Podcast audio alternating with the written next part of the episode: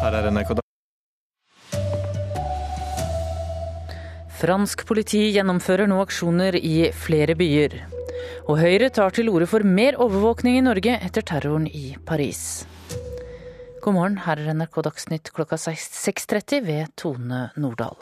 Afransk fransk politi har nå på morgenen gjennomført antiterroraksjoner i flere byer etter lørdagens angrep i Paris der 129 mennesker ble drept. Det skriver franske medier nå. Reporter Irina Kjelle, du er med oss fra Paris. Og hva kan du fortelle om det som eh, foregår nå? Ja, Fransk politi skal altså ha starta aksjonene rundt klokka ett i natt i flere byer rundt omkring i Frankrike. Bl.a. i byen Chumon, nær grensa til Belgia, eh, i Grenoble sør eh, i landet. Og i Toulouse der skal tre personer nå være pågrepet til den franske TV-kanalen ITL som melder det. Det kommer også rapporter om at eh, politiet har sperra av gater i, i byen Chumon og at de har gjennomsøkt bygg der. Denne aksjonen er jo ikke bekrefta fra franske myndigheter, men det er altså franske medier som forteller at de har sett og kjenner til aksjonene. En av de mistenkte terroristene skal morgenen etter terroren i, terroren i Paris ha blitt stanset på grensen til Belgia, men fått kjøre videre. Hva sier politiet om det? Ja, politiet sier at nå har det absolutt høyeste prioritet å finne han. Han er etterlyst internasjonalt. Politiet mener at han har en direkte tilknytning til, til angrepet. Han skal eh, ha leid eh, den ene bilen som ble funnet ved konsertarenaen. Eh, han skal da ha blitt stoppa av grensevakter. Han skal ha blitt sjekka identiteten på og, og blitt spurt ut, men skal ha, altså ha fått lov til å kjøre videre. Eh, fransk politi eh, sier nå at eh, han er svært farlig, og at dersom folk skulle se ham, så må de ikke nærme seg ham. Takk, Irina Kjelle. Høyre vil gi politiet videre fullmakter til å overvåke mulige terrorister og kriminelle. Høyres justispolitiske talsmann Anders Werp mener terrorhandlingene den siste tiden viser at behovet for å styrke politiet har økt. Den eh, globale sikkerhetssituasjonen strammer seg til. Eh, det har vi eh, sett i Paris. Vi har sett dette flere ganger og steder i Europa i det senere. Politiet mangler viktige redskap for å avdekke mulig terror, mener Werp. Man kommer ikke videre med de tradisjonelle metodene. Werp vil ha en åpen diskusjon på Stortinget om personvern må vike i visse tilfeller. Nestleder i Venstre, Ola Elvestuen, sier de er skeptiske. Det er ingenting så langt som tyder på at du må ha nye verktøy. Man må like mye analysere, se om politiet bruker de verktøyene man allerede har, godt nok. Om man har kapasitet som er stor nok, om man har en samhandling også over grensene som er god nok. Reporter var Astrid Randen. NRK Dagsnytt.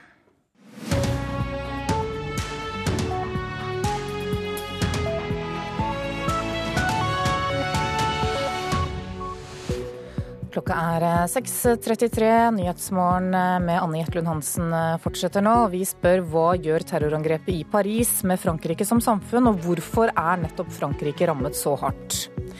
Norske konsertarrangører ber folk om å gå på konserter som vanlig, men forteller at stemningen under helgens arrangementer var spesiell.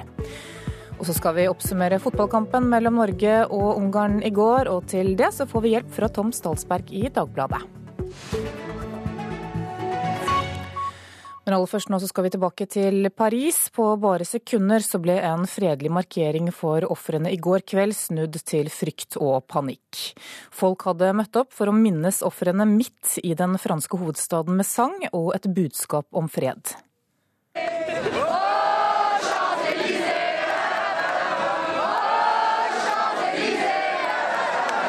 De sto tett inntil hverandre, holdt hender og sang til minne om ofrene. Franske flagg, tente stearinlys og blomster lå på bakken rundt det store monumentet på Place de la République midt i Paris i går kveld. Men så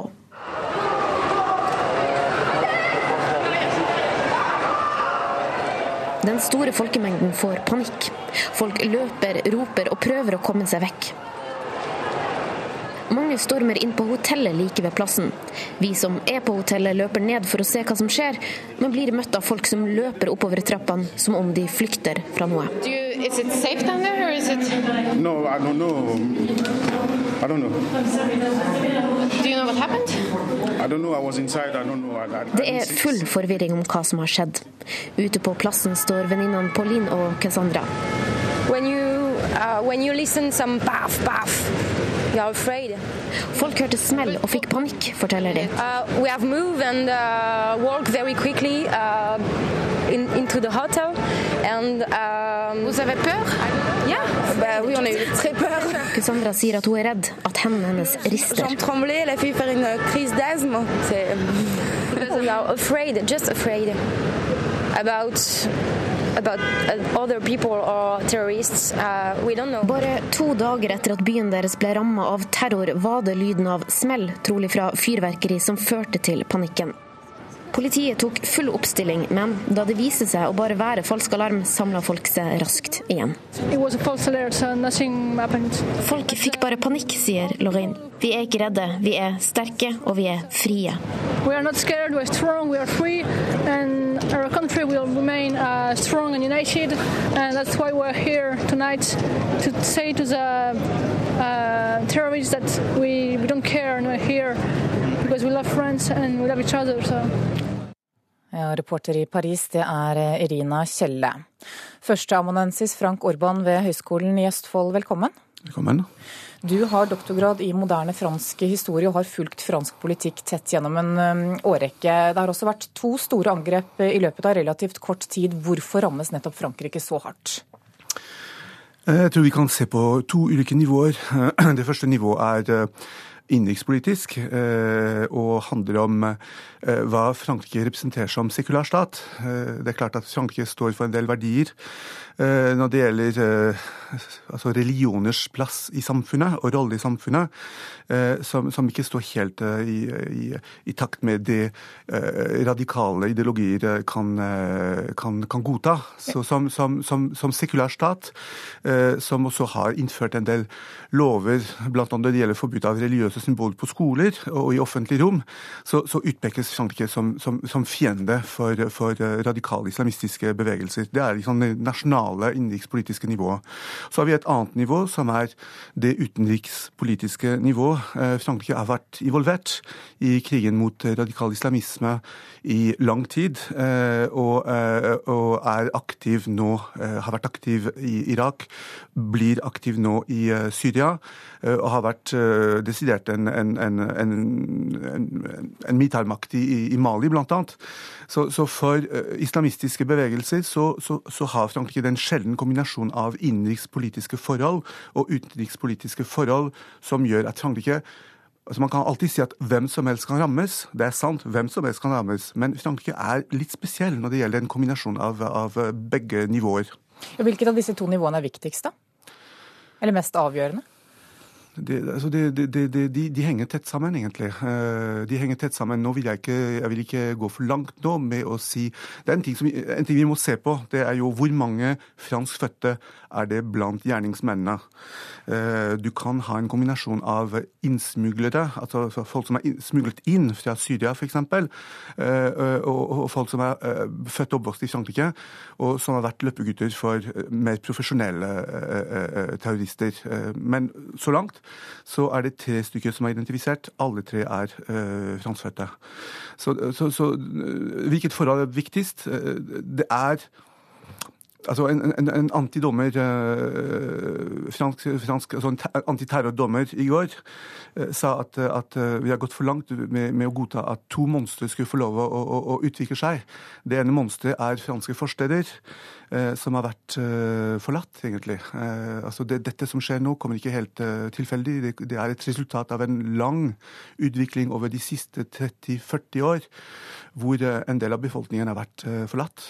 Så det er, det er den interne, det interne monsteret, og så det eksterne monsteret er selvsagt Daesh, som har fått lov å utvikle seg til å bli en, en, en terrorstat som kan ramme andre land langt unna. Og, det, og man, må, man, må, spille på begge nivåer samtidig, og det er det som gjøres nå. Så hører vi at retorikken har endret seg på kort tid. Etter angrepet mot Charlie Hebdo så ble det brukt ord som terror, men nå snakker det offisielle Frankrike om krig. Hvilke konsekvenser får det? Det, det, er, det er uvisst ennå. Hva, hva altså det spørs hvor mye makt man legger bak uh, ordene. Uh, jeg, jeg, noterer at man går over til, krig, til krigsretorikk nå. og Det får konsekvenser i form av f.eks. For av at uh, de som pekes ut som potensielle eh, fiender, eh, og som står på en spesiell liste, den berømte S-listen, eh, blir nå overvåket. Og det er kommet forslag om at de skal få elektronisk kontroll og husarrest. Altså det, det, du, du, du, har fått også unntakstilstand, så det genererer en del tiltak som man ikke ser i et vanlig demokrati, eller i, i fredstid i hvert fall.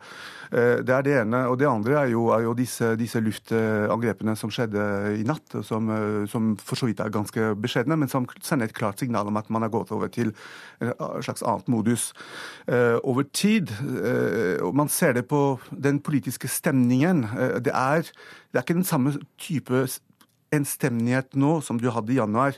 Det stilles krav, konkrete krav nå, om, om, og Sarkozy var jo veldig, altså lederen for opposisjonen var jo veldig klar på det i går.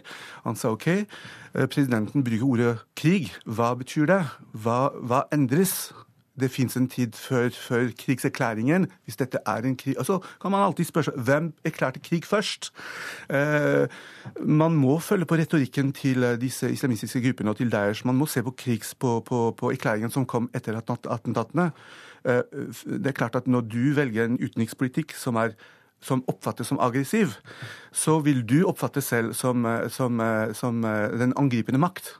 Eh, så det, det, vil få konsekvenser. Eh, og hvis ikke det får konkrete konsekvenser, så vil det eh, skape innenrikspolitisk eh, splid. Frank Orban, takk for at du kom hit til Nyhetsmorgen. Og norsk konsertbransje er i sjokk etter terroren i Paris, men konsertarrangøren Rockefeller Music Hall oppfordrer likevel folk til å gå på konserter som vanlig. Stemningen har vært spesiell under helgens arrangementer, det sier daglig leder Roar Gulbrandsen. Så nært, uh, bransjenært har det aldri vært før. Så dette føltes veldig nært og helt uh, uvirkelig. Og folk var veldig veldig berørt og i sjokk. Og vi uh, ble satt ut. Vi hører tydelig lyd av skyting i en video lagt ut på internett av en publikummer som var til stede på konserthuset Bataclan i Paris, der minst 89 mennesker ble drept. Folk NRK møtte på gata i Oslo er rysta av terroren. Selvfølgelig, Man begynner jo å tenke tanker man kanskje ellers ikke ville ha tenkt. Men eh, jeg tenker en del av det å stå sammen mot terror, er også ikke endre sitt levesett totalt det er faktisk å, å, leve livet som normalt. Allikevel så tenker jeg at det, det fort er et tidsspørsmål om når noe lignende vil skje i Oslo. Det er jo veldig menneskelig å bli redd, men nå er det liksom litt for fjernt, syns jeg, til at, at, jeg ikke ville gå i teater eller kino eller større forsamlinger pga. det. det. Det nekter jeg å være med på. Flere store band som Foo Fighters og U2 har avlyst konserter etter terrorangrepet i Paris, men Gulbrandsen vil oppfordre folk til å gå på konsert som vanlig, og fortelle om en spesiell stemning under konsertene som ble avholdt i helga. Elektronikaartist Todd Terje trakk bl.a. fullt hus på Sentrum Scene dagen etter terrorangrepet nesten et minutts stillhet før konserten begynte. Eh, fra en ettertenksom stillhet til en øredøvende jubel for eh, Todd Terje i går. Det var, var visst eh, helt magisk. Artister og, og band hadde viste solidaritet med å, å vise franske fargene i, i de franske flagget på scenen. Konserter kan også være et fint sted å samles for å bearbeide følelser etter terrorangrep. Det påpeker daglig leder i interesseorganisasjonen Norske konsertarrangører, Torbjørn Heitmann Valum. Det så vi også etter terrorangrepene mot Norge eh, i 2011, at, at folk ønsker å samles og møtes og bruke det også musikken som en måte å få bearbeida følelser på. Og sikkerheten under norske konserter skal være god, ifølge operativ leder Henning Kristiansen i selskapet Prosec, som ivaretar sikkerheten på kultur- og sportsarrangementer over hele landet. Jeg vil si ganske sikkert at det ikke er mulig å få med disse type våpen og gjenstander inn på en arena uten at vi vil merke det. Det, det er helt sikkert. Men klart en inntrenning fra utsiden, det er vi jo like lite beskyttet for som på en jernbanestasjon eller en busstasjon. Og reporter her var Torkil Torsvik. Vi vil doble innsatsen for å få til en fredelig overgang i Syria og eliminere terrorgruppen IS. Det sa USAs president Barack Obama under G20-møtet i Tyrkia i går. Obama hadde et eget møte med president Vladimir Putin. Og mye tyder på at terrorangrepet i Paris har utløst et tettere samarbeid mellom Russland og USA. Her i USA har Obama måttet tåle mye kritikk de siste dagene for en uttalelse om IS som ble kringkastet på fjernsynskanalen ABC bare timer før terroraksjonen i Paris.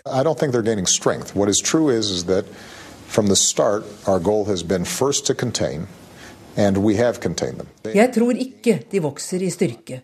Vi har klart å nå målet med å demme opp for IS, sa USAs president like før det smalt. Men han knyttet altså oppdemmingen til Irak og Syria, og uttalte seg ikke om verden utenfor, sier hans medarbeidere nå. Likevel fikk han et forklaringsproblem.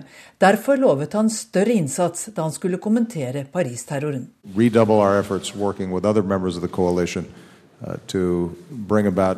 Vi vil doble innsatsen for å få til en fredelig løsning i Syria og for å eliminere IS, sa Obama under møtet med Tyrkias president i går.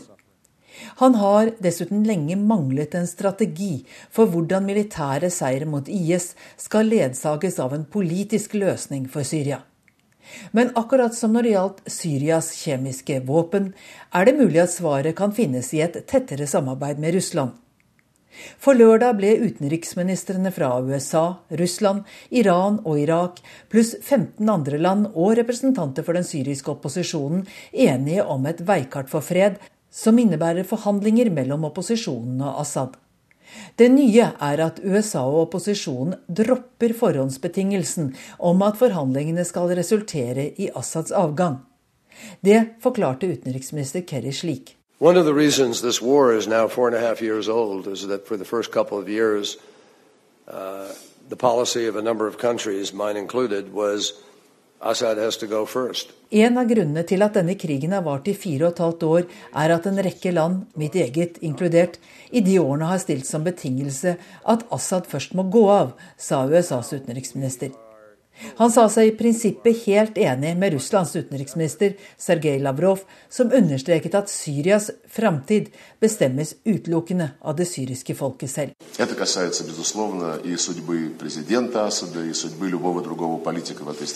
Det gjelder skjebnen til president Assad og skjebnen til en hvilken som helst annen politiker i dette landet, sa Lavrov. Kerry repliserte at han tror at Assad vil komme til å måtte gå, men bekreftet også at han tror den syriske presidenten nå mener alvor når det gjelder reelle forhandlinger med opposisjonen. En av snublesteinene framover blir hvem som skal representere opposisjonen i forhandlingene. IS og den Al Qaida-tilknyttede Al-Nusra-fronten er de eneste som er utelukket allerede i utgangspunktet. Kerry antydet også at de som sier nei til FN-overvåket våpenhvile, ligger dårlig an. FNs spesialutsending til Syria, Staffan de Mistura, vil sammen med representanter for den syriske opposisjonen få den svært vanskelige jobben med å avgjøre hvem som får plass ved forhandlingsbordet. Det skal etter planen skje innen 1.1. Og når det gjelder den militære kampen mot IS, sa Obama i går at han hilser andre nasjoner velkomne til å bidra. Ingen var i tvil om at adressen var Russland. Groholm, Washington skal vi ta en kikk på avisene, og terrorangrepet i Paris preger de fleste av forsidene i dag. Både VG og Dagbladet har bilde av Salah Abdel-Salam, som nå er ettersøkt etter terroren i Paris.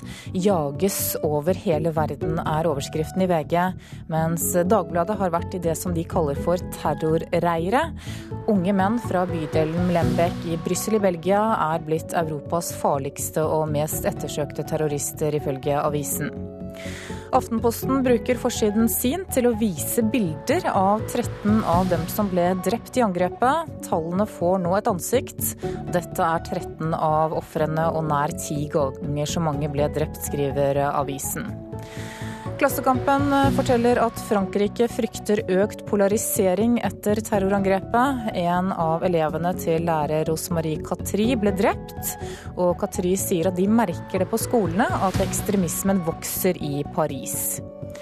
Vi har ikke noe valg. Dagliglivet må fortsette som før. Det sier en av innbyggerne i Paris som Dagsavisen har snakket med. Mens etikkekspert Paul Otto Brunstad i Forsvaret sier til Vårt Land at vi mangler språk for å navngi det onde. Et angrep på oss alle, det er overskriften i Nordlys. Avisen har snakket med eksperter her hjemme om hvordan angrepet i Paris vil påvirke Norge. Dagens Næringsliv skriver at flere enn det som hittil er kjent, hadde inngående kunnskap om hva Telenors styremedlemmer i VimpelCom fikk vite. Styremedlemmene hadde nemlig et eget støtteapparat med rådgivere i Telenor-systemet til å hjelpe dem med vanskelige styrespørsmål, og nå skal denne støttegruppen granskes. Bergensavisen forteller at de som driver asylmottak, håver inn penger. Staten betaler i snitt driftsoperatørene 800 kroner per person per døgn for å drive akuttmottak for asylsøkere. Mens Nasjonen forteller at bruken av antibiotika i behandling av melkekyr stuper. På 20 år så er bruken mer enn halvert.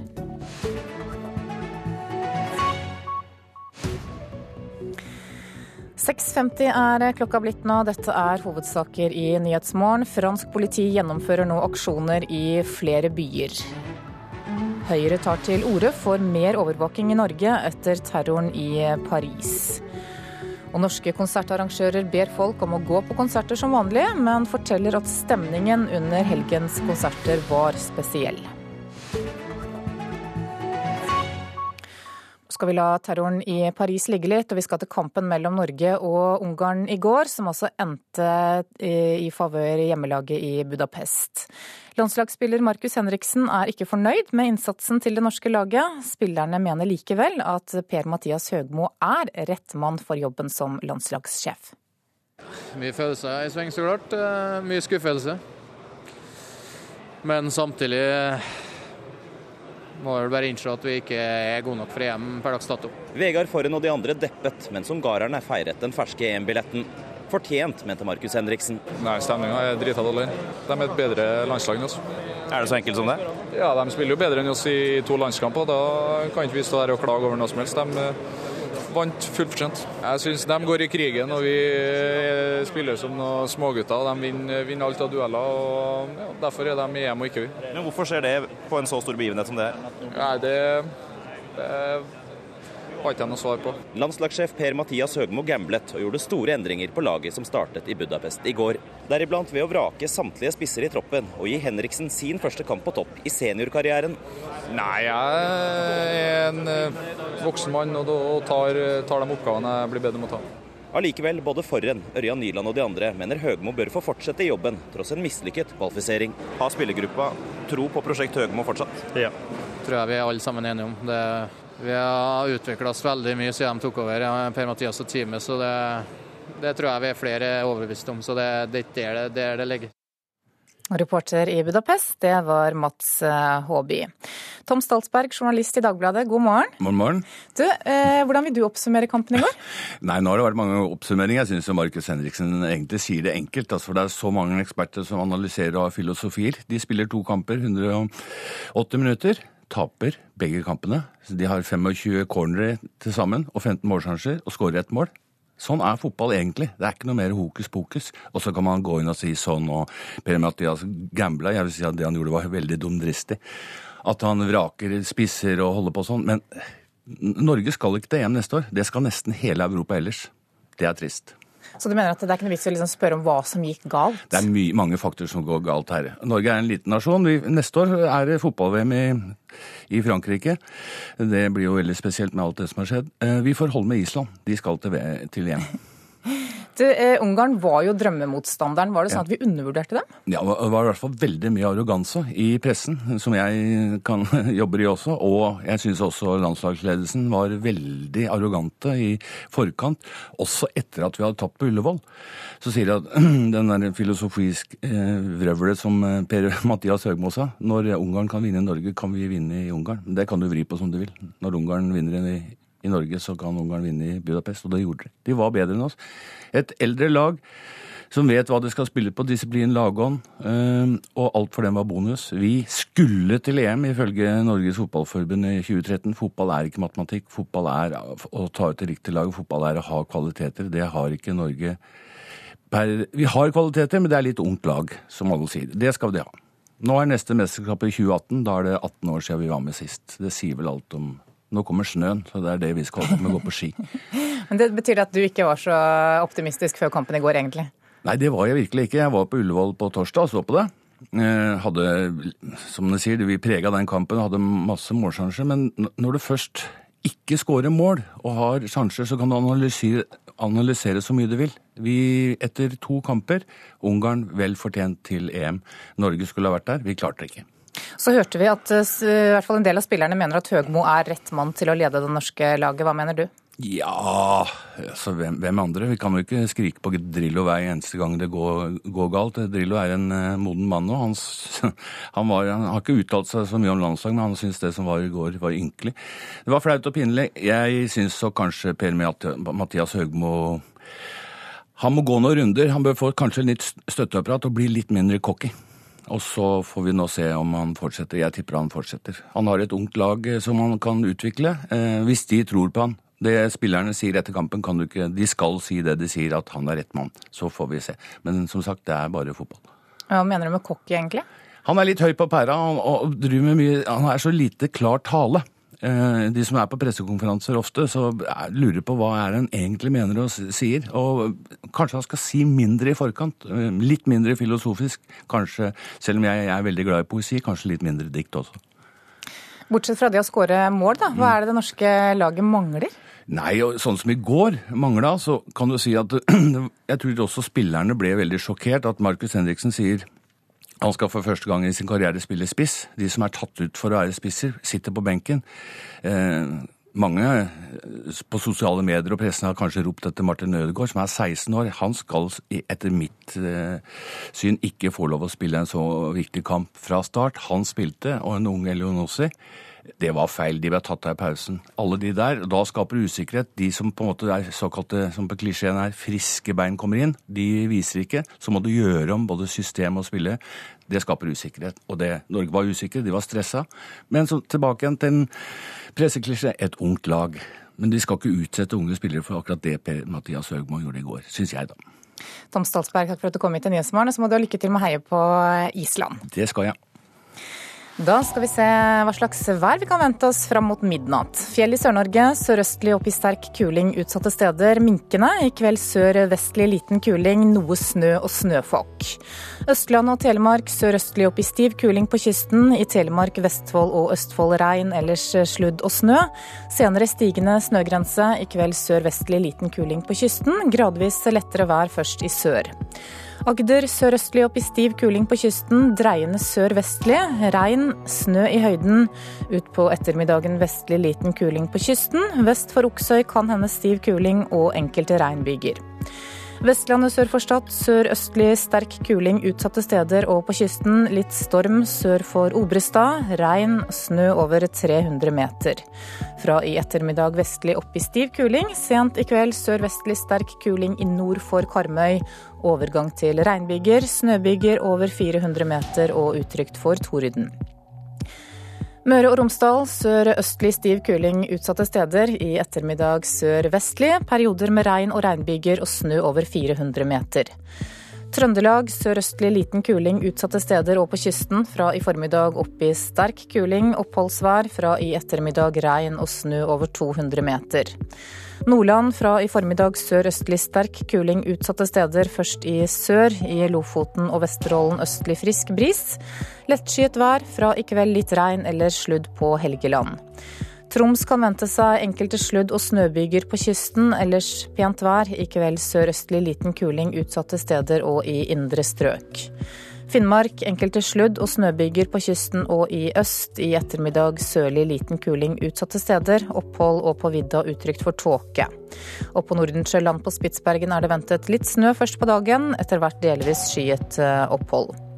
Så tar vi med temperaturene som ble målt klokka fire. Da hadde Svalbard lufthavn to grader, Kirkenes minus tre, Tromsø null, Bodø minus én, Brønnøysund null, Trondheim minus én, Molde tre. Kristiansand fire, Gardermoen minus fire, Lillehammer minus to og Røros minus seks grader.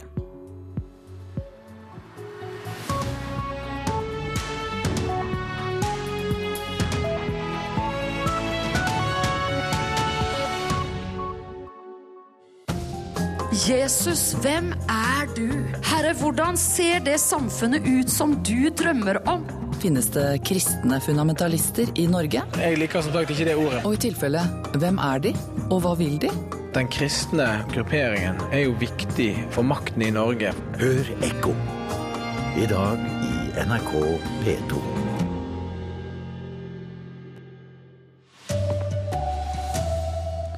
Politiets sikkerhetstjeneste jobber med en ny trusselvurdering etter terroren i Paris. Og fransk politi skal ha arrestert flere personer nå på morgenen. Her er NRK Dagsnytt klokka sju ved Tone Nordahl. PST jobber med en ny trusselvurdering for å se om IS-sympatisører kommer til Norge under dekke av å være asylsøkere. En av terroristene i angrepet i Paris kan ha vært en asylsøker som kom til Europa via Hellas.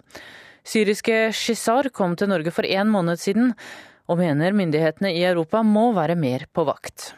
We here, we find, vi trodde vi ville finne fred i Europa, men de fulgte etter oss. Han snakker om terrororganisasjonen IS, for Frankrikes president Francois Hollande sier det er de som står bak angrepet i Kjærlighetens by. Kanskje terrorister fra IS kommer til Europa skjult som asylsøkere, sier Shizar. PST sier de jobber med trusselvurderingen og vil ikke kommentere dette ytterligere. De har i tidligere vurderinger ikke funnet holdepunkter for at terrorister blir sendt til Norge som asylsøkere. Reportere var Ellen Omland og Kristine Svendsen. Fransk politi gjennomfører nå i morgentimene antiterroraksjoner i flere byer i landet. Ifølge franske medier er det gjennomført aksjoner både i Toulouse, Grenoble og Calais og i en forstad til Paris. I Toulouse skal minst tre personer være arrestert. Dette er ikke bekreftet av franske myndigheter. Og Frankrike er blitt en fiende for radikale muslimer. Det sier Frank Orban, som har doktorgrad i moderne fransk historie. Han sier religionens plass i samfunnet er i utakt med det radikale ideologer kan godta som, som sekulær stat, eh, som også har innført en del lover, bl.a. når det gjelder forbud av religiøse symboler på skoler og i offentlig rom, så, så utpekes Frankrike som, som, som fiende for, for, radikale islamistiske bevegelser. Det er liksom det nasjonale innenrikspolitiske nivået. Så har vi et annet nivå, som er det utenrikspolitiske nivå. Eh, Frankrike har vært involvert i krigen mot radikal islamisme i lang tid, eh, og, eh, og er aktiv nå Eh, har vært aktiv i Irak, blir aktiv nå i eh, Syria eh, og har vært desidert en, en, en, en militærmakt i, i Mali, bl.a. Så, så for islamistiske bevegelser så, så, så har Frankrike den sjelden kombinasjon av innenrikspolitiske forhold og utenrikspolitiske forhold som gjør at Frankrike Altså Man kan alltid si at hvem som helst kan rammes. Det er sant, hvem som helst kan rammes. Men Frankrike er litt spesiell når det gjelder en kombinasjon av, av begge nivåer. NRK Dagsnytt. Tre minutter over sju er klokka blitt. Nyhetsmorgen fortsetter med disse sakene. Fransk politi gjennomfører nå aksjoner i flere byer. Muslimske ledere i Frankrike føler seg maktesløse, mens flere og flere unge muslimer blir radikalisert. Og Høyre tar til orde for mer overvåking i Norge etter terroren i Paris. Vi skal til Paris nå, for fransk politi har i morges gjennomført antiterroroperasjoner og ransakinger i flere byer i landet. Det skriver franske medier. Korrespondent Espen Aas, du er der. Hva vet du om det som skjer? Ja, dette er del ikke bare uh, i jakten uh, på uh, gjerningsmannen Salah Abdeslam, men også som en del av en større antiterroraksjon. Og de foregår store deler av eh, Frankrike. De er i Grenoble, de er i Toulouse, de er i Calais eh, og også her i eh, Paris. Hvor mye de er linket direkte til angrepet på Paris på fredag er uklart. Så vidt vi forstår så skal det også handle om generell antiterrorarbeid, som de også nå gjør fordi det er erklært unntakstilstand i Frankrike, og de har da utvidede fullmakter. Og så kom det også meldinger da i, i, går kveld om at politiet hadde stoppet denne etterlyste Salah Abdeslam i en bil få timer etter angrepene, men at de lot ham gå. Hva sier politiet om det? Ja, politiet har eh, valgt å ikke kommentere alle eh, medieopplysninger, eh, slik som de også heller ikke gjorde det under Charlie Hebdo-angrepet. Men det er fire forskjellige franske tjenestemenn som skal ha uttalt seg og sagt at 26-åringen ble da stoppet lørdag morgen, altså dagen etter angrepet, i nærheten av den belgiske grensen. Og da hadde politiet allerede identifisert ham som en leietager av en Polo, altså en Volkswagen, som som ble forlatt da eh, på åstedet etter et av eh, angrepene. Så har presidenten nå bedt om tre måneders unntakstilstand. Du var innom det, men kan du si litt mer om hva det innebærer? Ja, og Det som er det spesielle, er jo lengden på det. Han ber altså om tre måneder. Normalt sett kan en president uh, erklære selv eh, tolv dager, men tre måneder uh, må han da ha parlamentet med seg til. Men det betyr rett og slett at det vanlige lovverket settes til side. Og rent konkret i denne saken så betyr det jo at militærvesen og politi vil ha utvidet fullmakter enn i dag, bl.a. da til å gjennomføre disse store antiterroroperasjonene.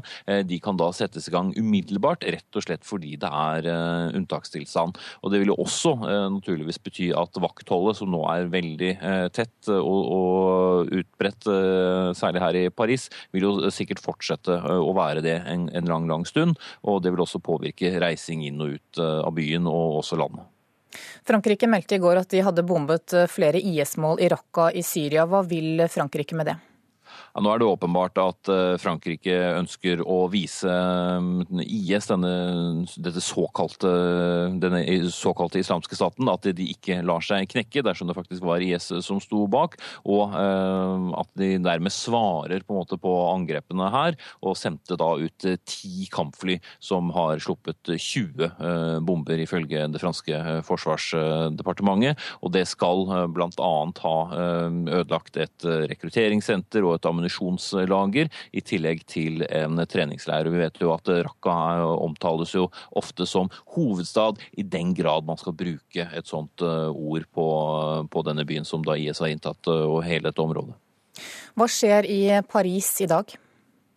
Det er jo på en måte den første hverdagen, men det blir jo ingen hverdag. Eh, klokken tolv i dag så blir det jo eh, ett minutts stillhet eh, både her og over hele Europa. I tillegg så skal også landets president Hollande ha en tale til begge kamrene i parlamentet her i ettermiddag. Og så må jo politikerne nå for alvor også begynne å diskutere den situasjonen som landet er oppi og så vidt jeg skjønner så må man også da få vedtatt disse tre månedene med unntakstilstand. Eh, de tolv dagene varer jo eh, ennå, men så er jo spørsmålet hva som kommer videre. Og så må vi også følge med på og se hva som skjer med de mange, mange skadde som ligger rundt på sykehusene. Eh, det er jo slettes ikke umulig at dødstallene totalt kommer til å stige her. Og muslimske ledere i Frankrike sier at de er redd for at de taper mot ekstremistene. De frykter at de står maktesløse og ser på at flere og flere unge muslimer blir radikalisert.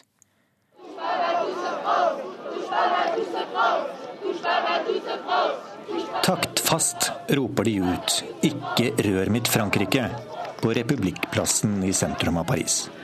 Unge multikulturelle franskmenn viser solidaritet og støtte med de mange som er rammet av terroren. I helgen har fransk politi gjennomført flere arrestasjoner mot antatte gjerningsmenn. Alle muslimer og alle unge. Nå frykter mange at de ekstreme islamistene skal ødelegge landet.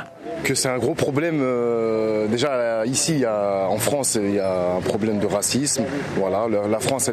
Rasisme er allerede et stort problem i Frankrike. Det er kanskje litt bortgjemt, men det har alltid vært der, sier en ung muslimsk mann i nabolaget til den 29 år gamle terroristen Omar Ismail Mustafai. Der tar de sterk avstand fra det som skjedde, og påpeker at dette ikke har noe med islam å gjøre. Det er ikke mange radikale muslimer her. De er en minoritet, og det er ikke mange mennesker. Men sannheten er at ekstremismen har fått fotfeste i Frankrike, og den ødelegger for veldig mange troende muslimer. Under elleve måneder etter terrorangrepet mot Charlie Hebdo rammes unge, sekulære franskmenn på nytt. Og de muslimske miljøene klarer ikke å fange det opp. Dette er Ahmed Jabala. Han er professor ved Det europeiske instituttet for humaniora i Paris. Og han mener det muslimske miljøet er maktesløse til det nå som skjer i Frankrike.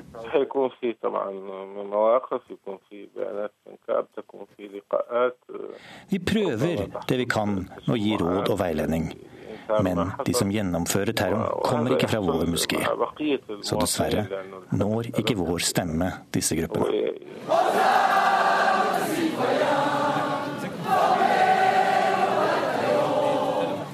Tilbake på Republikkplassen runger den franske nasjonalsangen om trangen til å mobilisere og stå sammen mot tyranniet.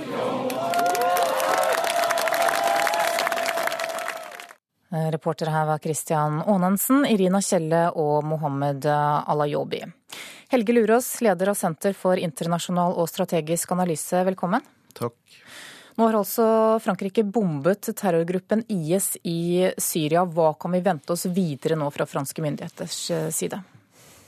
Altså, De vil nok trappe generelt litt opp den luftkampanjen de har vært en del av i, i Syria og Irak. Men eh, bortsett fra å øke intensiteten, så tror jeg ikke det er veldig mye de kan gjøre militært. De er i hvert fall i så fall avhengig av andre partnere rundt seg, og de vil ikke nødvendigvis være like interessert i det. Altså, Når det gjelder luftkampanjen, så har man egentlig allerede gjort så mye man kan med den etterretningen man har tilgjengelig.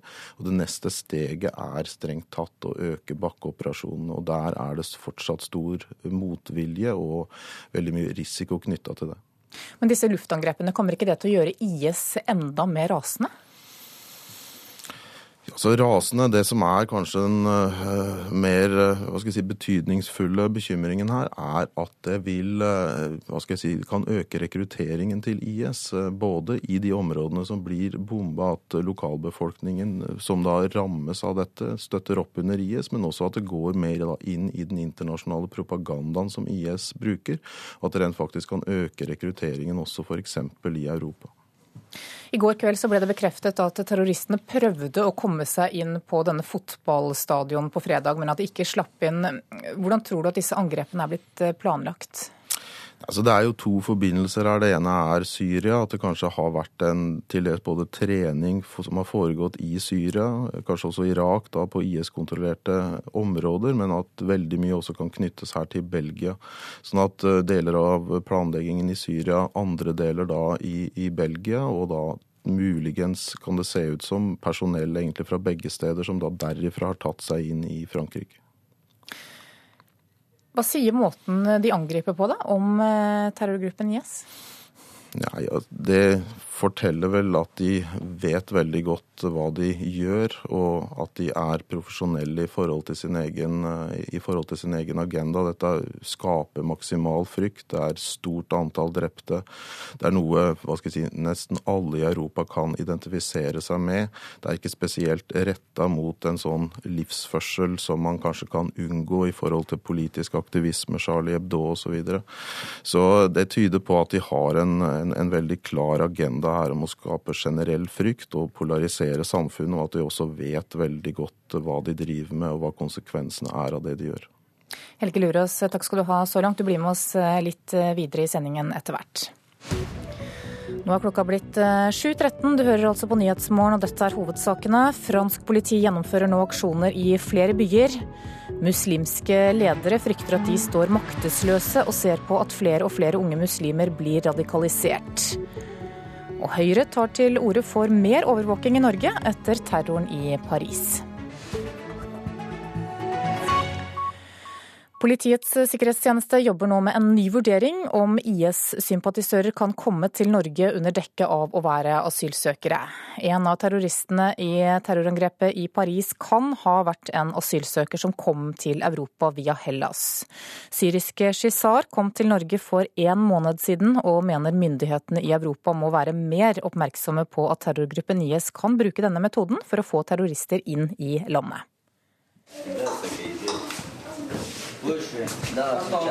Et lite, klamt rom overfylt med stoler.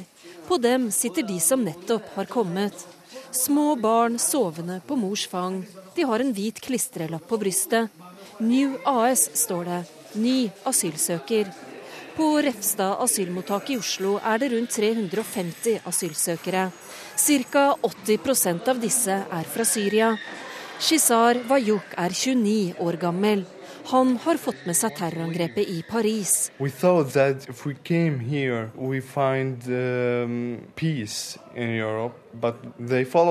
vi trodde vi ville finne fred i Europa, men de fulgte etter oss. Han snakker om terrororganisasjonen IS, for Frankrikes president Francois Hollande sier det er de som står bak angrepet i Kjærlighetens by. Afraid, yeah. ISIS. They came here as asylum seeker and they are doing Things, Kanskje terrorister fra IS kommer til Europa skjult som asylsøkere, sier Shizar. Justisminister Anders Anundsen har bedt PST om en trusselvurdering om personer som sympatiserer med IS kan komme til Norge under dekke av å være asylsøker. I gårsdagens program Ytring på NRK P2 sa han dette. Det kan man aldri vite. Eh, vi har riktignok ganske gode systemer for å klare å flagge ut personer som en eh, har eh, mistanke om kan representere den typen ideer. Men med de flyktningstrømmene vi har nå, så, være, så er den flaggingsfasen mye mer krevende. Fordi det er så mange som kommer, og det er vanskeligere å gjennomføre den registreringa og de intervjuene som det egentlig er behov for. PST sier de jobber med trusselvurderingen regjeringen og vil ikke kommentere dette ytterligere. De har i tidligere vurderinger ikke funnet holdepunkter for at terrorister blir sendt til Norge som asylsøkere. Presidenten i Europakommisjonen, Jean-Paul Juncker, advarte i går europeiske land mot å behandle asylsøkere generelt som terrorister. På Refstad asylmottak. En fotball trilles rundt av noen gutter, en ettåring i barnevogn, en pappa passer på. Et nytt liv venter. Samtidig mener Shizar at europeiske myndigheter må være obs på at IS-terrorister kan komme skjult som asylsøkere. I think there must be more tension about this from governments from uh, in, in Europe. Reportere her var Ellen Omland og Kristine Svendsen. Tilbake til deg, Helge Lurås, leder av Senter for internasjonal og strategisk eh, analyse. Hvilke holdepunkter har vi for at IS-sympatisører bruker strømmen av flyktninger og asylsøkere nå for å komme seg inn i Europa? Vi har vel ikke hatt noen konkrete indikasjoner på det før eventuelt nå, hvis disse opplysningene skulle stemme at det er to som har kommet i løpet av de siste ukene, som er registrert i, i Hellas og Serbia, som da er noen av angriperne. Så er vel det meg bekjent, i hvert fall det første helt konkrete tilfellet. Men det er jo ikke veldig overraskende at de, i den, i den grad de faktisk planlegger terroraksjoner ut fra Syria, faktisk bruker de migrasjonsstrømmene som nå er. Det som har vært kanskje litt uenighet mellom om de som har sett på det her, er i hvilken grad de da har hatt den agendaen tidligere. Hvor mye av strømmen av mennesker jo har gått motsatt. At de trenger en krigere i Syria og Irak, og heller har ønska å få folk ned enn å sende noen ut. Men i den grad de har operasjoner, selvfølgelig så er dette en mulighet for dem rent operasjonelt å få sine egne folk inn for å gjøre sånne ting. Men dette fungerer jo også veldig godt som skremselspropaganda da, for de som er kritiske til eh, tallet på asylsøkere som kommer til Europa nå, f.eks.? Det gjør det, og det er jo den andre muligens effekten som IS har sett for seg her, er at å, å sende en og annen med i den strømmen som gjør noe, vil også gjøre noe med det det debattklima og politiske klima som er i Europa, som de nok helt tydelig ønsker å påvirke. De ønsker å skape polarisering. De ønsker å skape distanse mellom hva skal jeg si, den majoritetsbefolkningen i Europa og innvandrersegmenter, for derigjennom å presse også flere over på sin egen radikale agenda. Vi hører i innslaget her at det er vanskelig, men hvilke muligheter har PST for eksempel, til å finne ut om asylsøkere har bindinger eller bakgrunn fra terrorgrupper i f.eks. Syria eller Irak? Altså Reelt sett så er jo det, hvis de har allerede informasjoner på forhånd, eh, på egen hånd eller gjennom sitt nettverk om de personene med den identiteten som er. For eh, altså, de har ikke noen mulighet til å få intervjua på en tror, si, troverdig måte de som kommer, hvis de ikke har noe opprinnelig informasjon om det. Og hvis noen sendes fra Syria til Europa med en agenda om å drive terror, så er de sannsynligvis også temmelig godt trent og vil ha mottiltak mot å hva skal jeg si, bli oppdaga av etterretningstjenestene på vei inn. Så dette er en fryktelig vanskelig jobb med tanke på det store antallet som nå kommer. Så det betyr at eh, det er vanskelig for norske myndigheter å ha god nok kontroll? Ja, altså God nok kontroll. altså Det er i hvert fall ingen mulighet norske eller andre europeiske myndigheter har her til å ha, være 100% garantert mot at noen kommer inn. altså Sannsynlig så vil de ha veldig dårlige forutsetninger for å plukke ut de som eventuelt blir helt bevisst sendt inn til Europa nå. Helge Luras, takk for at du kom hit til Nyhetsmorgen. Og polske og slovakiske ledere har brukt terrorangrepet i Paris som påskudd til å kritisere EUs plan om fordeling av nettopp asylsøkere. De mener at vi bør være bekymret for å ta inn muslimske flyktninger. Statsminister Erna Solberg sier holdningen til Polen og Slovakia er lite konstruktiv. Eh, det tenker jeg ikke er så lurt. Det er viktig for alle land å sørge for en skikkelig, eh, skikkelig undersøkelse av de flyktningene som kommer. Eh, men det blir ikke mindre terror av at flyktninger ikke blir redistribuert i Europa. Du må faktisk gjøre ferdig sakene. Det betyr at du må gå gjennom og se om dette er personer som faktisk ikke har rett til asyl. Er du tilknyttet en terrororganisasjon, har du deltatt i handlinger som er av den type mange terrororganisasjoner driver med, ja, så er du faktisk ekskludert fra å få status som flyktning. Så det vil du advare mot? Altså, jeg mener at det, det hjelper ikke på sikkerheten i Europa at du ikke har redistribusjon av flyktninger.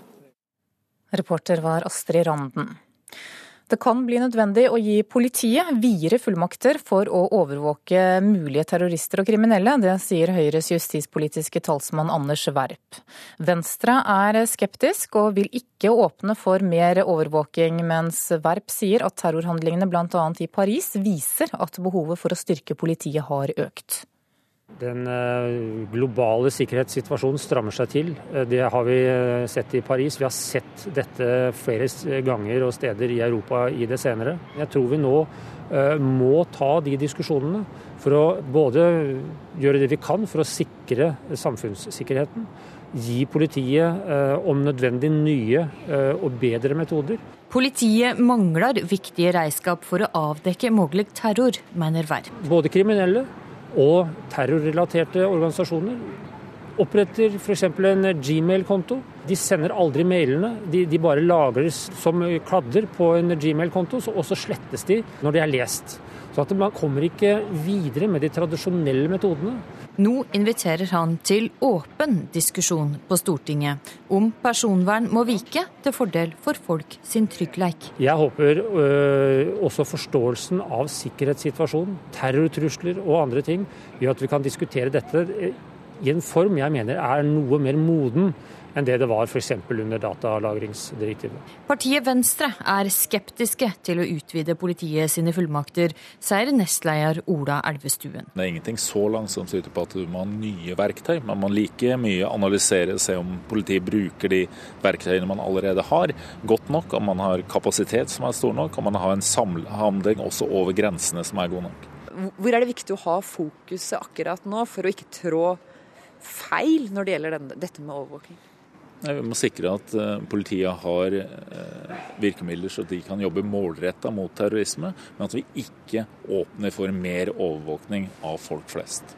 Kjell Ingolf Ropstad, justispolitisk talsperson i KrF, mener politiet sine verkemiddel må veges opp mot personvernet. Å ta debatt rundt ulike virkemidler som politiet og PST da skal ha, det er en selvfølge at vi må ta.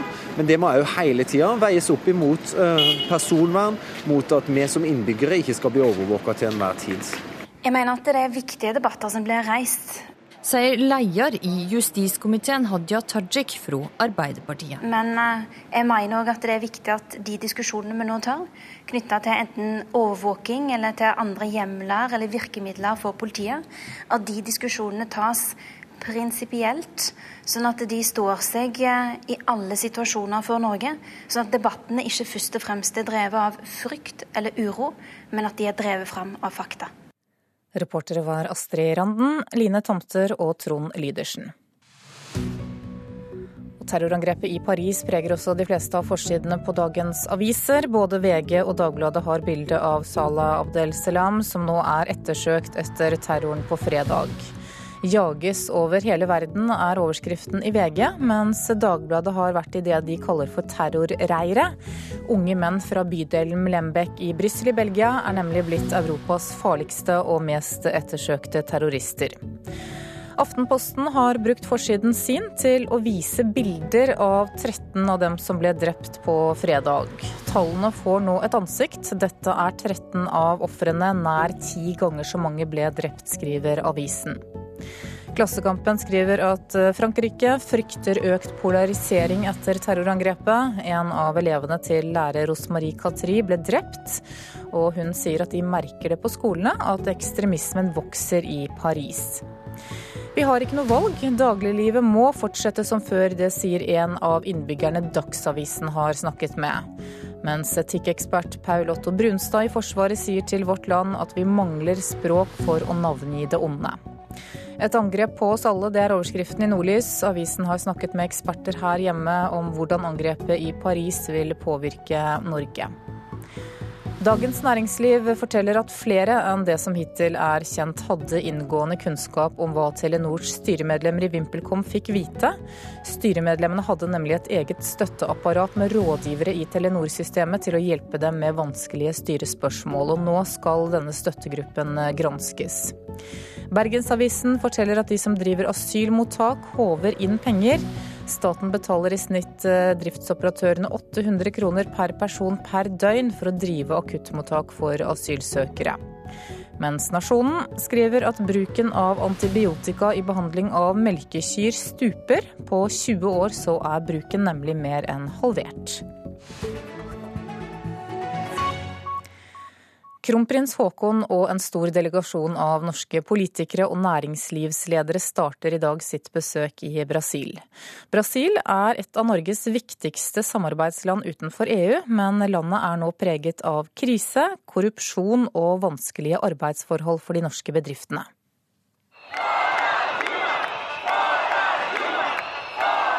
Det er dette Brasil den norske delegasjonen kommer til. Et land i økonomisk og politisk krise, med en president som er mer upopulær enn noen av sine forgjengere. Den brasilianske økonomien er nå i markert tilbakegang, samtidig som korrupsjonsskandalen i statsoljeselskapet Petrobras rammer oljesektoren, der de norske selskapene har sine viktigste inntekter. I tillegg sliter norske forretningsfolk med et ugunstig regelverk, høy beskatning og korrupsjon. Her er Norges generalkonsul i Rio, Sissel Hodne Steen. Landet har en krevende politisk situasjon. Eh, og vi ser at det er vanskelig å få vedtatt økonomiske reformer som er nødvendige. Eh, og dette er jo faktisk noe som naturlig fører til frustrasjoner.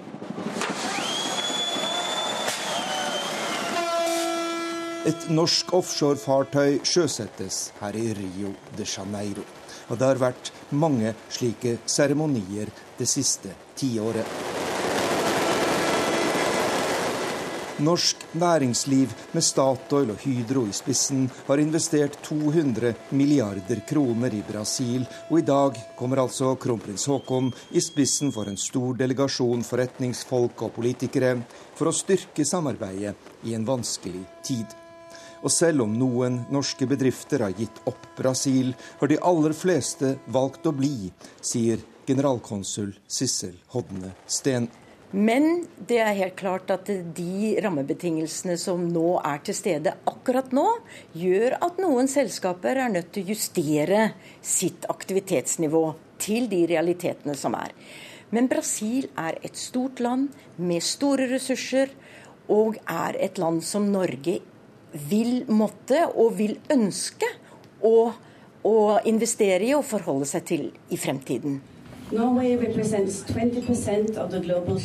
Olje, miljø, klippfisk og prosjekter for Brasils fattige. Det er noen stikkord for den norske delegasjonens tre dager lange besøk i Brasilia, Belén i Nord-Brasil og her i Rio de Janeiro. Og reporter i Rio, det er Arnt Stefansen.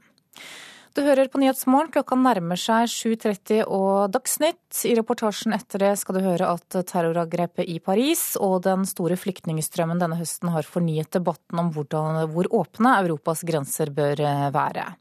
Og i Politisk kvarter så er justisminister Anders Anundsen på plass, og det blir bl.a. debatt om hvorvidt politiet skal få utvidede fullmakter til å overvåke terrorister og kriminelle. Produsent for Nyhetsmorgen i dag det er Silje Katrine Bjørkøy, og her i studio Anne Jetlund Hansen.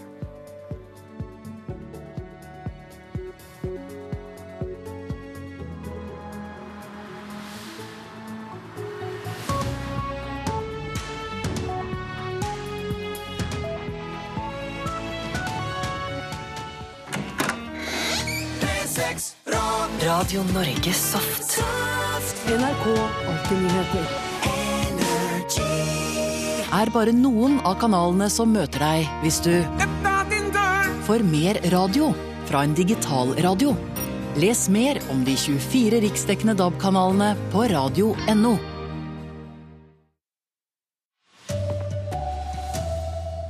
Fransk politi skal ha pågrepet flere personer nå på morgenen. Muslimske ledere i Frankrike føler seg maktesløse. Flere og flere unge blir radikalisert. Og Høyre tar til, tar til orde for mer overvåkning i Norge etter terroren i Paris. God morgen, her er NRK Dagsnytt klokka 7.30 ved Tone Nordahl. Ja, fransk politi gjennomfører nå på morgenen antiterroroperasjoner og ransakinger i flere byer. Det melder franske medier. Korrespondent Espen Aas, du er med oss fra Paris. og Hva vet du om det som pågår nå?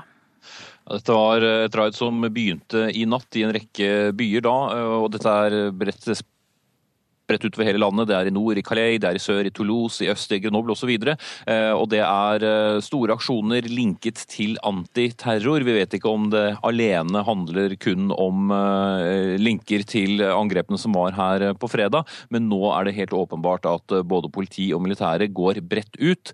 Det er jo unntakstilstand her også i Frankrike nå, slik at de har utvidet fullmakter eh, og har valgt å slå til nå i natt og morgentimene. En av de mistenkte terroristene skal morgenen etter eh, angrepet i Paris ha blitt stanset på grensen til Belgia, men fått kjøre videre. Hva sier politiet om det? Politiet har ikke kommentert noe rundt sin etterforskning eh, så langt, men fire anonyme tjenestemenn har alle eh, bekreftet overfor eh, franske medier at dette skjedde. Tidlig lørdag morgen så blir mannen stoppet, men blir altså vinket videre. Nå er den samme mannen etterlyst internasjonalt i tilknytning til terrorangrepene her på fredag, slik at her vil på et eller annet tidspunkt politiet ha mye å svare for. Hva skjer i dag, Espen Aas? Nå fortsetter jo eh, selvsagt eh, unntakstilstanden, og det er også den tredje sørgedagen. Eh, noe som kommer til å skje klokken tolv, er jo at det skal være ett minutts stillhet både her i Paris, i Frankrike og over store deler av Europa, til minne om ofrene.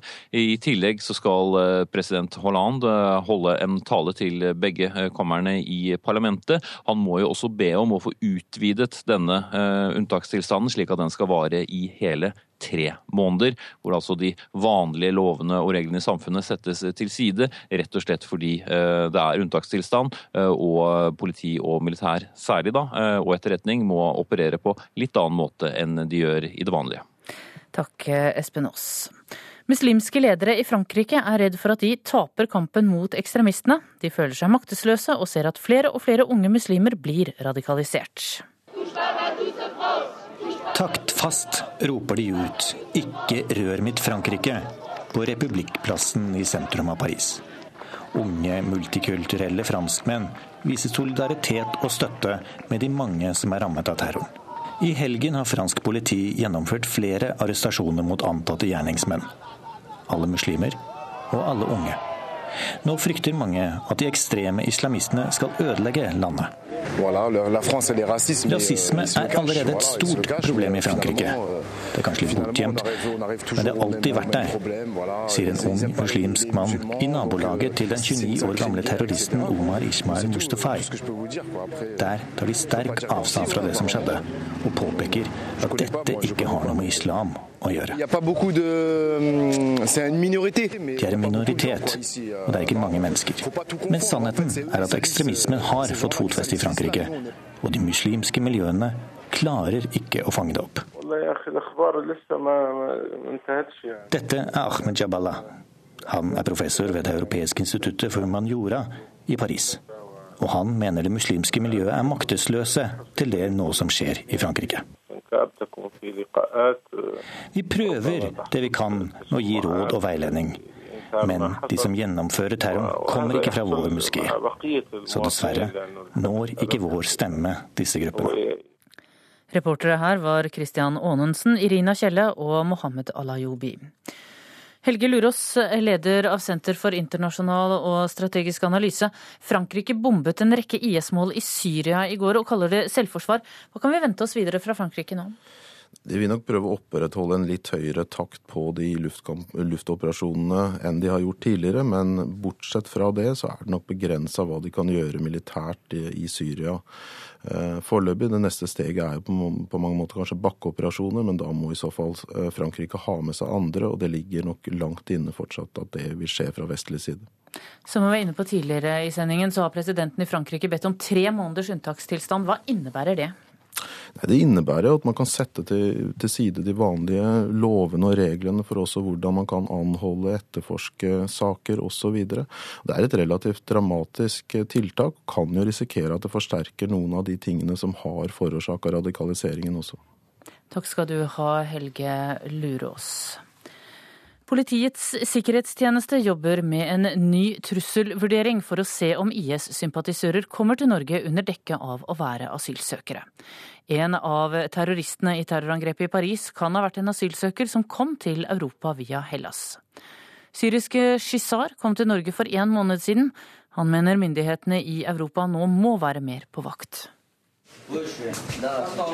Et lite, klamt rom overfylt med stoler på dem sitter de som nettopp har kommet. De har en hvit klistrelapp på brystet. New AS står det. Ny asylsøker. På Refstad asylmottak i Oslo er det rundt 350 asylsøkere. Ca. 80% av disse er fra Syria. Shizar Wayuk er 29 år gammel.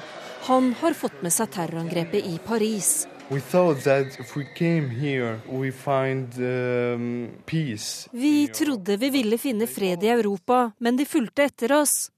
Han snakker om terrororganisasjonen IS, for Frankrikes president Francois Hollande sier det er de som står bak angrepet i Kjærlighetens by. Kanskje terrorister fra IS kommer til Europa skjult som asylsøkere, sier Shizar. Justisminister Anders Anundsen har bedt PST om en trusselvurdering om personer som sympatiserer med IS kan komme til Norge under dekke av å være asylsøker. I gårsdagens program Ytring på NRK P2 sa han dette. Med de flyktningstrømmene vi har nå, så, være, så er den flaggingsfasen mye mer krevende. Fordi det er så mange som kommer. PST sier de jobber med trusselvurderingen og vil ikke kommentere dette ytterligere. De har i tidligere vurderinger ikke funnet holdepunkter for at terrorister blir sendt til Norge som asylsøkere. Samtidig mener Shizar at europeiske myndigheter må være obs på at IS-terrorister kan komme skjult som asylsøkere. I think there must be more tension about this from from in, in Reportere her Ellen Omland og Kristine Svendsen. Høyre vil gi politiet videre fullmakter til å overvåke mulige terrorister og kriminelle. Høyres justispolitiske talsmann Anders Werp mener terrorhandlingene den siste tiden viser at behovet for å styrke politiet har økt. Den eh, globale sikkerhetssituasjonen strammer seg til. Eh, det har vi eh, sett i Paris. Vi har sett dette flere ganger og steder i Europa i det senere. Politiet mangler viktige redskap for å avdekke mulig terror, mener Verp. Man kommer ikke videre med de tradisjonelle metodene. Verp vil ha en åpen diskusjon på Stortinget om personvern må vike i visse tilfeller. Nestleder i Venstre, Ola Elvestuen, sier de er skeptiske. Det er ingenting så langt som tyder på at du må ha nye verktøy. Man må like mye analysere, og se om politiet bruker de verktøyene man allerede har, godt nok. Om man har kapasitet som er stor nok, om man har en samhandling også over grensene som er god nok. Reporter var Astrid Randen. Og det blir mer om terrorangrepet i Paris i Politisk kvarter på P2 klokka kvart på åtte. Dit kommer blant andre justisminister Anders Anundsen. Så til kampen mellom Norge og Ungarn i går, som altså endte 2-1 til hjemmelaget i Budapest. Markus Henriksen er misfornøyd med det norske lagets innsats. Spillerne mener allikevel at Per-Mathias Høgmo er rett mann for jobben som landslagssjef, til tross for tapet. Må vel bare innse at vi ikke er gode nok for EM per dags dato. Vegard Forhen og de andre deppet, mens ungarerne feiret den ferske EM-billetten. Fortjent, mente Markus Henriksen. Jeg syns de går i krigen, og vi spiller som noen smågutter. De vinner, vinner alt av dueller. og ja, Derfor er de i EM og ikke vi. Men Hvorfor skjer det på en så stor begivenhet som det her? Nei, det, det har ikke jeg noe svar på. Landslagssjef Per-Mathias Høgmo gamblet og gjorde store endringer på laget som startet i Budapest i går. Deriblant ved å vrake samtlige spisser i troppen og gi Henriksen sin første kamp på topp i seniorkarrieren. Tar, tar de oppgavene jeg blir bedre med å ta. Allikevel, både Forren, Ørjan Nyland og de andre mener Høgmo bør få fortsette i jobben, tross en mislykket kvalifisering. Har spillergruppa tro på prosjekt Høgmo fortsatt? Ja. tror jeg vi er alle sammen enige om. Det, vi har utvikla oss veldig mye siden de tok over, Per-Mathias og teamet. så det det tror jeg vi er flere overbevist om, så det, det er der det, det ligger. Reporter i Budapest er Mats Håby. Ansvarlig for Dagsnytt i dag, Gro Arneberg.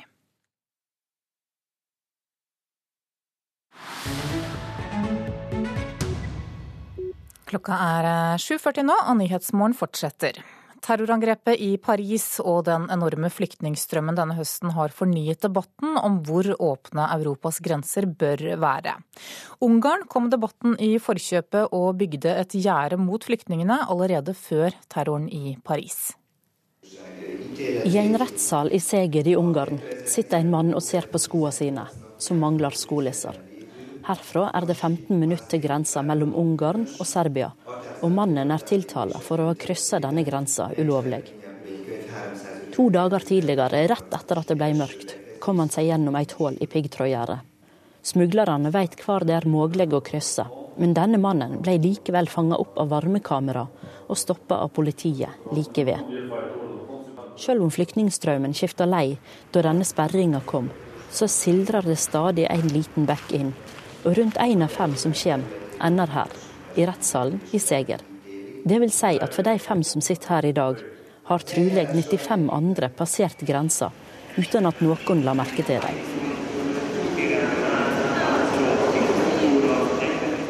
På toget fra Seger til Budapest er kanskje tre av dem. Jenta sover, og alle tre har gjørme på klærne og skoene. Og de er på vei fra et land langt øst for Ungarn til Belgia. Men de vil ikke si hvordan de kom seg til Serbia, eller fra Serbia til Seger. Ei lita bag og et kosedyr er alt de har med seg på ferda. Så langt i år er nesten 400 000 migranter registrerte i Ungarn. Dermed er Ungarn det landet i Europa som har fått flest asylsøknader per innbygger. Men de aller fleste vil reise videre i EU. For å stoppe strømmen av flyktninger og migranter satte Ungarn først opp et gjerde langs hele grensa mot Serbia, og i oktober på grensa mot Kroatia. Expert, that yeah, this, this, this contravenes Som ekspert kan jeg si at dette er et brudd med europeiske standarder for menneskeretter og retten til å søke asyl, sier Gabor Gyøse, som er menneskerettsadvokat i Helsingforskomiteen. Han sier at gjerdet gjør det vanskeligere for flyktningene å komme til et trygt land. Ungarn burde være det første trygge landet på deres ferd, men vi holder dem ute, sier advokaten og fortsetter. Det har nesten ikke vært protester mot dette, fordi de aller fleste i Ungarn stør tiltakene, sier han. Og Folket Seger oppgir flere ulike grunner til at de er for gjerda. Én er redd for at terrorister kan snike seg inn. Førsteamanuensis ved Central European University i Budapest, Saboch Pogonyi, sier at høyresida sier at de forsvarer den kristne kulturen mot islam, og sammenligner med slaget om Wien i 1664. So is the Hungarian um, uh, uh, wars, uh, defense wars against uh, the Ottoman Turkey. Venstresida sammenligner disse gjerdene med jernteppet som delte Europa. Pogonji er ikke samd i dette, men han tror at flyktningene kan bety slutten på de frie reisene i hele EU. Denne krisa kan få EU til å rakne. Og om ikke de håndterer dette bedre enn den økonomiske krisa i Hellas, så tror jeg at mange vil miste tilliten til EU som prosjekt, sier han. For mannen i rettssal 29 er i hvert fall EU-prosjektet over. Etter under én time blir han funnet skyldig og utvist fra Ungarn. To politifolk følger han tilbake til de fire andre som skal gjennom samme prosedyre. Mannen tørker ei tåre fra hvert øye og går i gang med å fortelle hva som hender. Og det sa reporter Julia Loge. 7.44 er klokka blitt nå. Du hører på Nyhetsmorgen, og dette er hovedsakene våre. Fransk politi skal ha pågrepet flere personer i aksjoner i flere byer. Muslimske ledere i Frankrike føler seg maktesløse. Flere og flere unge blir radikalisert. Og her hjemme jobber Politiets sikkerhetstjeneste med en ny vurdering om IS-sympatisører kan komme til Norge under dekke av å være asylsøkere. Klokka er straks 7.45. Det betyr at du får Politisk kvarter, og programleder i dag det er Håvard Grønli.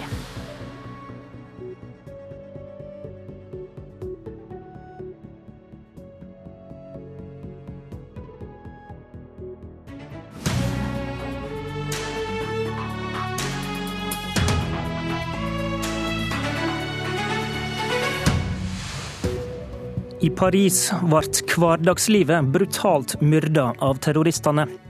Er vi i stand til å forsvare oss mot slikt? Politisk kvarter har samla et justispolitisk panel for å spørre om særlig politiet har de metodene som trengs. God morgen, justisminister Anders Anundsen. God morgen. Fredag fikk du råd fra Politidirektoratet om å avslutte den midlertidige væpninga av politiet etter et drygt år med våpen i norske politibelter. Denne væpninga skal etter planen bli avslutta i morgen. Fredag kveld kom tragedien i Paris. Men eh, så langt har både politiet og PST sagt at vurderinga av trusselnivå og midlertidig væpning står ved lag. Hva slags vurderinger er det du nå ber PST og politiet gjøre av dette? For det første så har eh, PST fulgt dette veldig veldig tett eh, helt siden disse hendelsene inntraff, naturligvis. Eh, og de jobber godt med samarbeidende tjenester for å få et så totalt bilde over dette som mulig. I tillegg så har jeg helt uavhengig av den hendelsen som, og den tragedien som Frankrike opplevde på fredag, bedt PST om å undersøke Eh, hvorvidt det er fare for at det i flyktningstrømmen også kan eh, komme personer som eh, kan utgjøre en trussel mot rikets sikkerhet. Det har PST tidligere gjort ved å snevre det inn for å se på om flyktningstrømmen brukes målrettet av av eh, ISIL for å sende personer med bestemte oppdrag. Det har de ikke funnet holdepunkter for, men samtidig så må vi da se på det litt breiere bildet, og det jobber PST med nå. Når det gjelder spørsmålet om midlertidig bevæpning, så tror jeg det er viktig at den fører dette i, i, to spor. Det ene er at den kom på plass fordi det var en uh, spesiell forhøya uh, trussel mot Norge.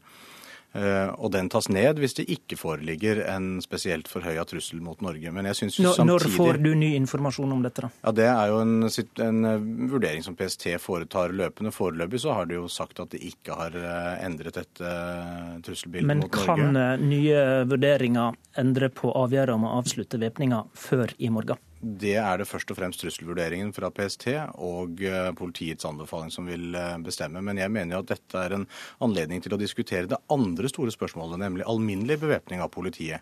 Spørsmålet er om vi nå er kommet over i en generell fase hvor eh, vi, kan, hvor vi, rett og slett må vurdere å frasi oss den luksusen det er å ha et ubevæpnet politi. Når vi ser hva som skjer i eh, Europa, når vi ser hva slags generelt trusselnivå som foreligger i eh, Europa, så må vi ta diskusjonen om vi kan utsette våre polititjenestemenn og -kvinner for en situasjon hvor de kanskje ikke er like godt eh, i stand til å forsvare seg selv og borgerne hvis de ikke har tilgang til eh, våpen eh, i ordinær tjeneste. Så du, det... så du sier at det som skjedde i Paris rett og slett er et argument for generell bevæpning? Ja, Det er ett av mange argumenter for å diskutere verktøykassa til eh, politiet på et mer overordna og prinsipielt nivå.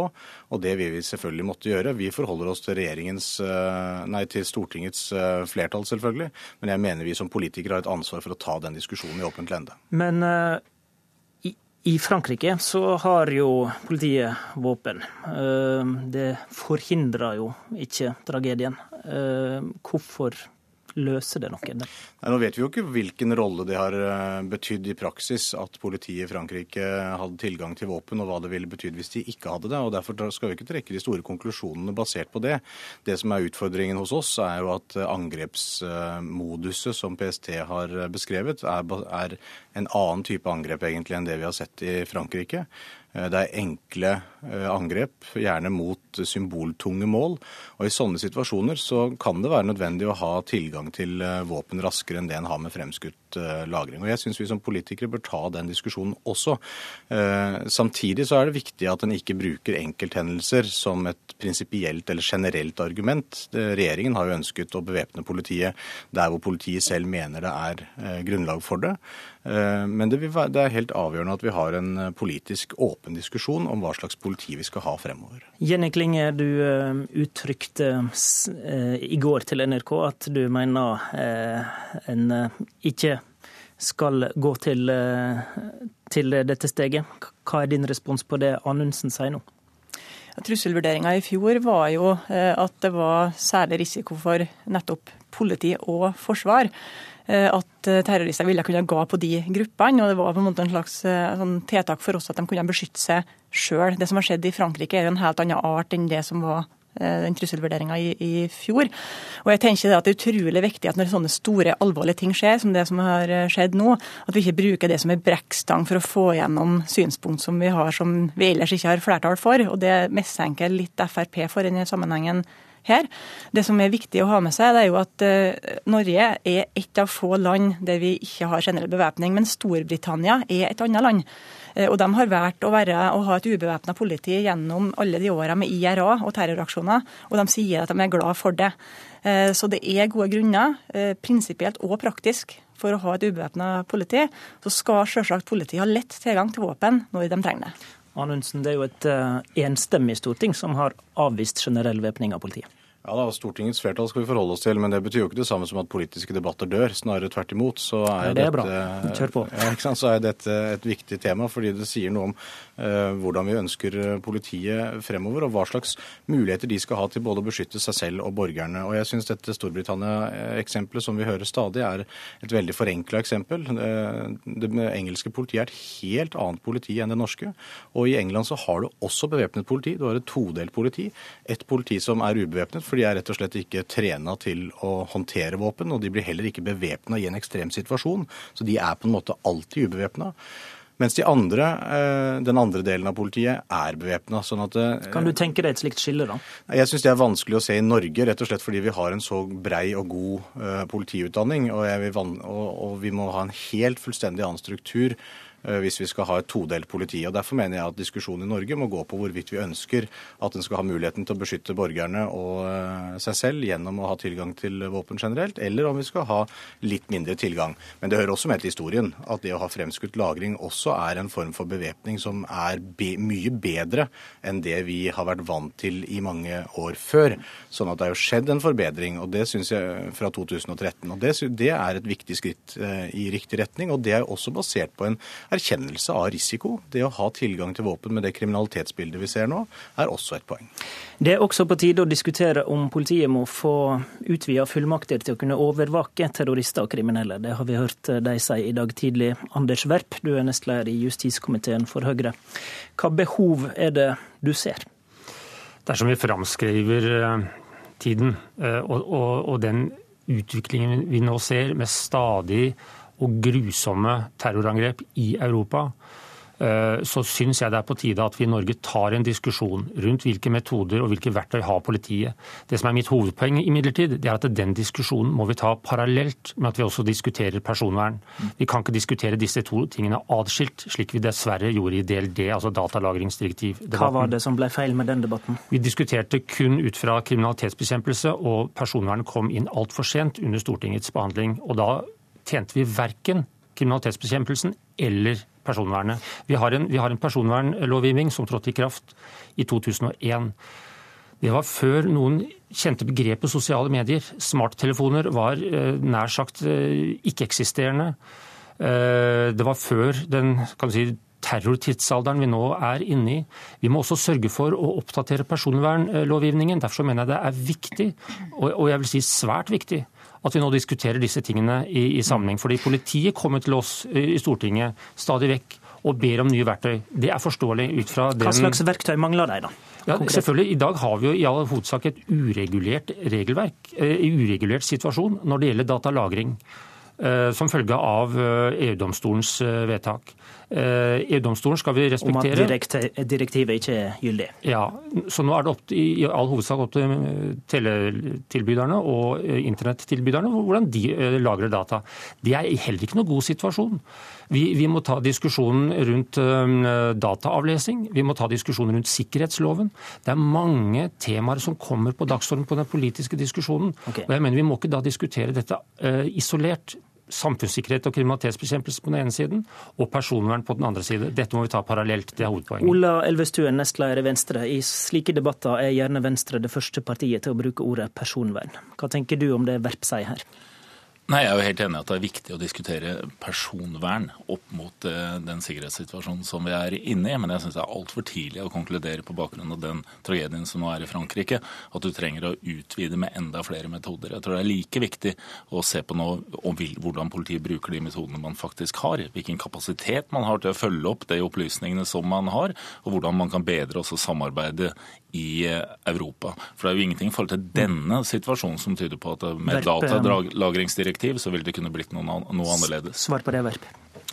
Dette er overhodet ikke noe som er situasjonsbetinget. Eh, dette er, en, dette er, et resultat av en utvikling vi ser, hvor dessverre så er terroren i Paris bare bekrefter den utviklingen. Så dette, dette må vi ikke knytte til en enkelthendelse, det er jeg helt enig i. Men det fratar oss ikke ansvaret for å gå inn i dette eh, landskapet. Det er, det er et krevende politisk landskap, mm. og vi blir antageligvis heller ikke helt, altså helt sikkert blir vi ikke enige. Men skal vi ta ansvar, så må vi løfte alle steiner.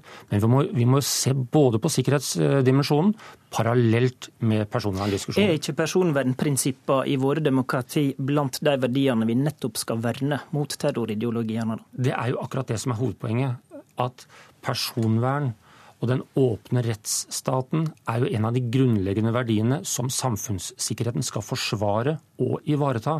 Derfor kan vi ikke diskutere dette isolert. Det er det vi inviterer til nå, og det håper jeg vi får anledning til å, å løfte opp i en prinsipiell eh, situasjon, men også knyttet til konkrete forslag i Stortinget. Jenny Klinge, hvor stiller Senterpartiet seg i dette dilemmaet mellom samfunnssikkerhet og personvern? Uh, jo, vi mener nå sjøl at vi har en fornuftig tilnærming til det. og Det er det vi Det mener de fleste politikere. Det gjør vi, men uh, mer eller mindre, selvsagt. Uh, men det som er viktig, det er jo å finne en fornuftig balanse og vekte så her hensynene. Og det er klart at vi skal ha virkemiddel for politiet som gjør det mulig å drive god etterretning og finne ut når noe skjer, altså før det skjer. Eh, fordi at vi kan ikke bare drive eh, opprydding etterpå, når, når eh, handlingene først er, er, skjedd. Det sier seg sjøl. Men på den andre sida så vil vi jo ha et åpent, demokratisk, fritt og godt samfunn. Og skal vi oppnå det, så er det grenser for hvor langt en kan ta overvåkninga av enkeltindivid. Så du vil holde litt igjen? Ja, nettopp. Fordi at personvernet er utrolig viktig å hegne om. Og Senterpartiet var jo klår klart imot datalagringsdirektivet. Mm. Og det har jo blitt kjent ulovlig i ettertid. Så vi mener vi fikk rett den, etter den debatten der. Eh, men samtidig så vil jeg si at jeg selvsagt på vegne av Senterpartiet er villig til å diskutere nye redskap for, for, politiet og for PST. Det vil være helt nødvendig selvsagt enhver tid å gå inn i diskusjonene. Men det å hegne om personvernet og slå fast at vi skal ha et åpent og fritt samfunn, er helt vesentlig. Men det vi trenger er jo at vi må, vi må, sikre personvernet til det breie lag av befolkningen når vi nå går inn i en, mer, en, mer, eh, en tid med langt mer online enn det det har vært tidligere. Samtidig som politiet må kunne ha virkemidler mot spesifikke grupper, og det som er, som, hvor du baserer seg på en etterretningssituasjon. Så det er jo de metodene mot de spesielle gruppene som politiet må ha virkemidler i forhold til, samtidig som de breie lag av befolkningen hvor vi ikke kan åpne for mer overvåkning enn det det er i dag. I slike saker så ligger jo gjerne ballen hos regjeringa, Anundsen. Når samarbeidspartiet Høyre tar til orde for å diskutere mer utvida politimetoder, eh, vil du komme an i møte da? Altså, Vi kan ikke overvåke oss bort fra terror, men vi er nødt til å gi politiet og myndighetene de nødvendige verktøyene for at de kan gjøre den jobben vi forventer at de skal gjøre. Og Eksempel som Anders tar opp med dataavlesning, er jo et kjempeeksempel på en metode som vi ikke har tilgang til i dag, men som Forklar kort hva vi snakker om da. Det er kort det at du kan gå inn og lese av data. F.eks. hvis du kommuniserer med Skype, så, har, så, er det kryptert. Det er vanskelig å, å avlytte. Snakker du på at telefon At politiet skal kunne overvåke slike ja, Snakker du på telefon, så har du muligheten til å avlytte det. Snakker du på Skype eller bruker en gmail-konto i fellesskap, så er det vanskelig for få, eller vanskeligere for politiet å få tilgang til det. Sånne enkle ting som følger av en utvikling, mener jeg er helt avgjørende. Og så mener jeg også Anders har, helt, Anders har helt rett i at dette må vi diskutere samla. En må balansere det, de verktøyene politiet skal ha opp mot eh, personvernet. Og vi bør ta en skikkelig debatt på det. For selv om vi kan være idealister i Norge eh, og si at det er veldig viktig at alle skal få lov til å surre med sitt på sitt eget vis, så er, helt, eh, så er det også viktig å sikre at politiet faktisk klarer å forebygge og oppklare kriminalitet. Og den balansen som Anders etterlyser, er jeg helt enig i at vi må ta i åpent lende. Takk til dere fire.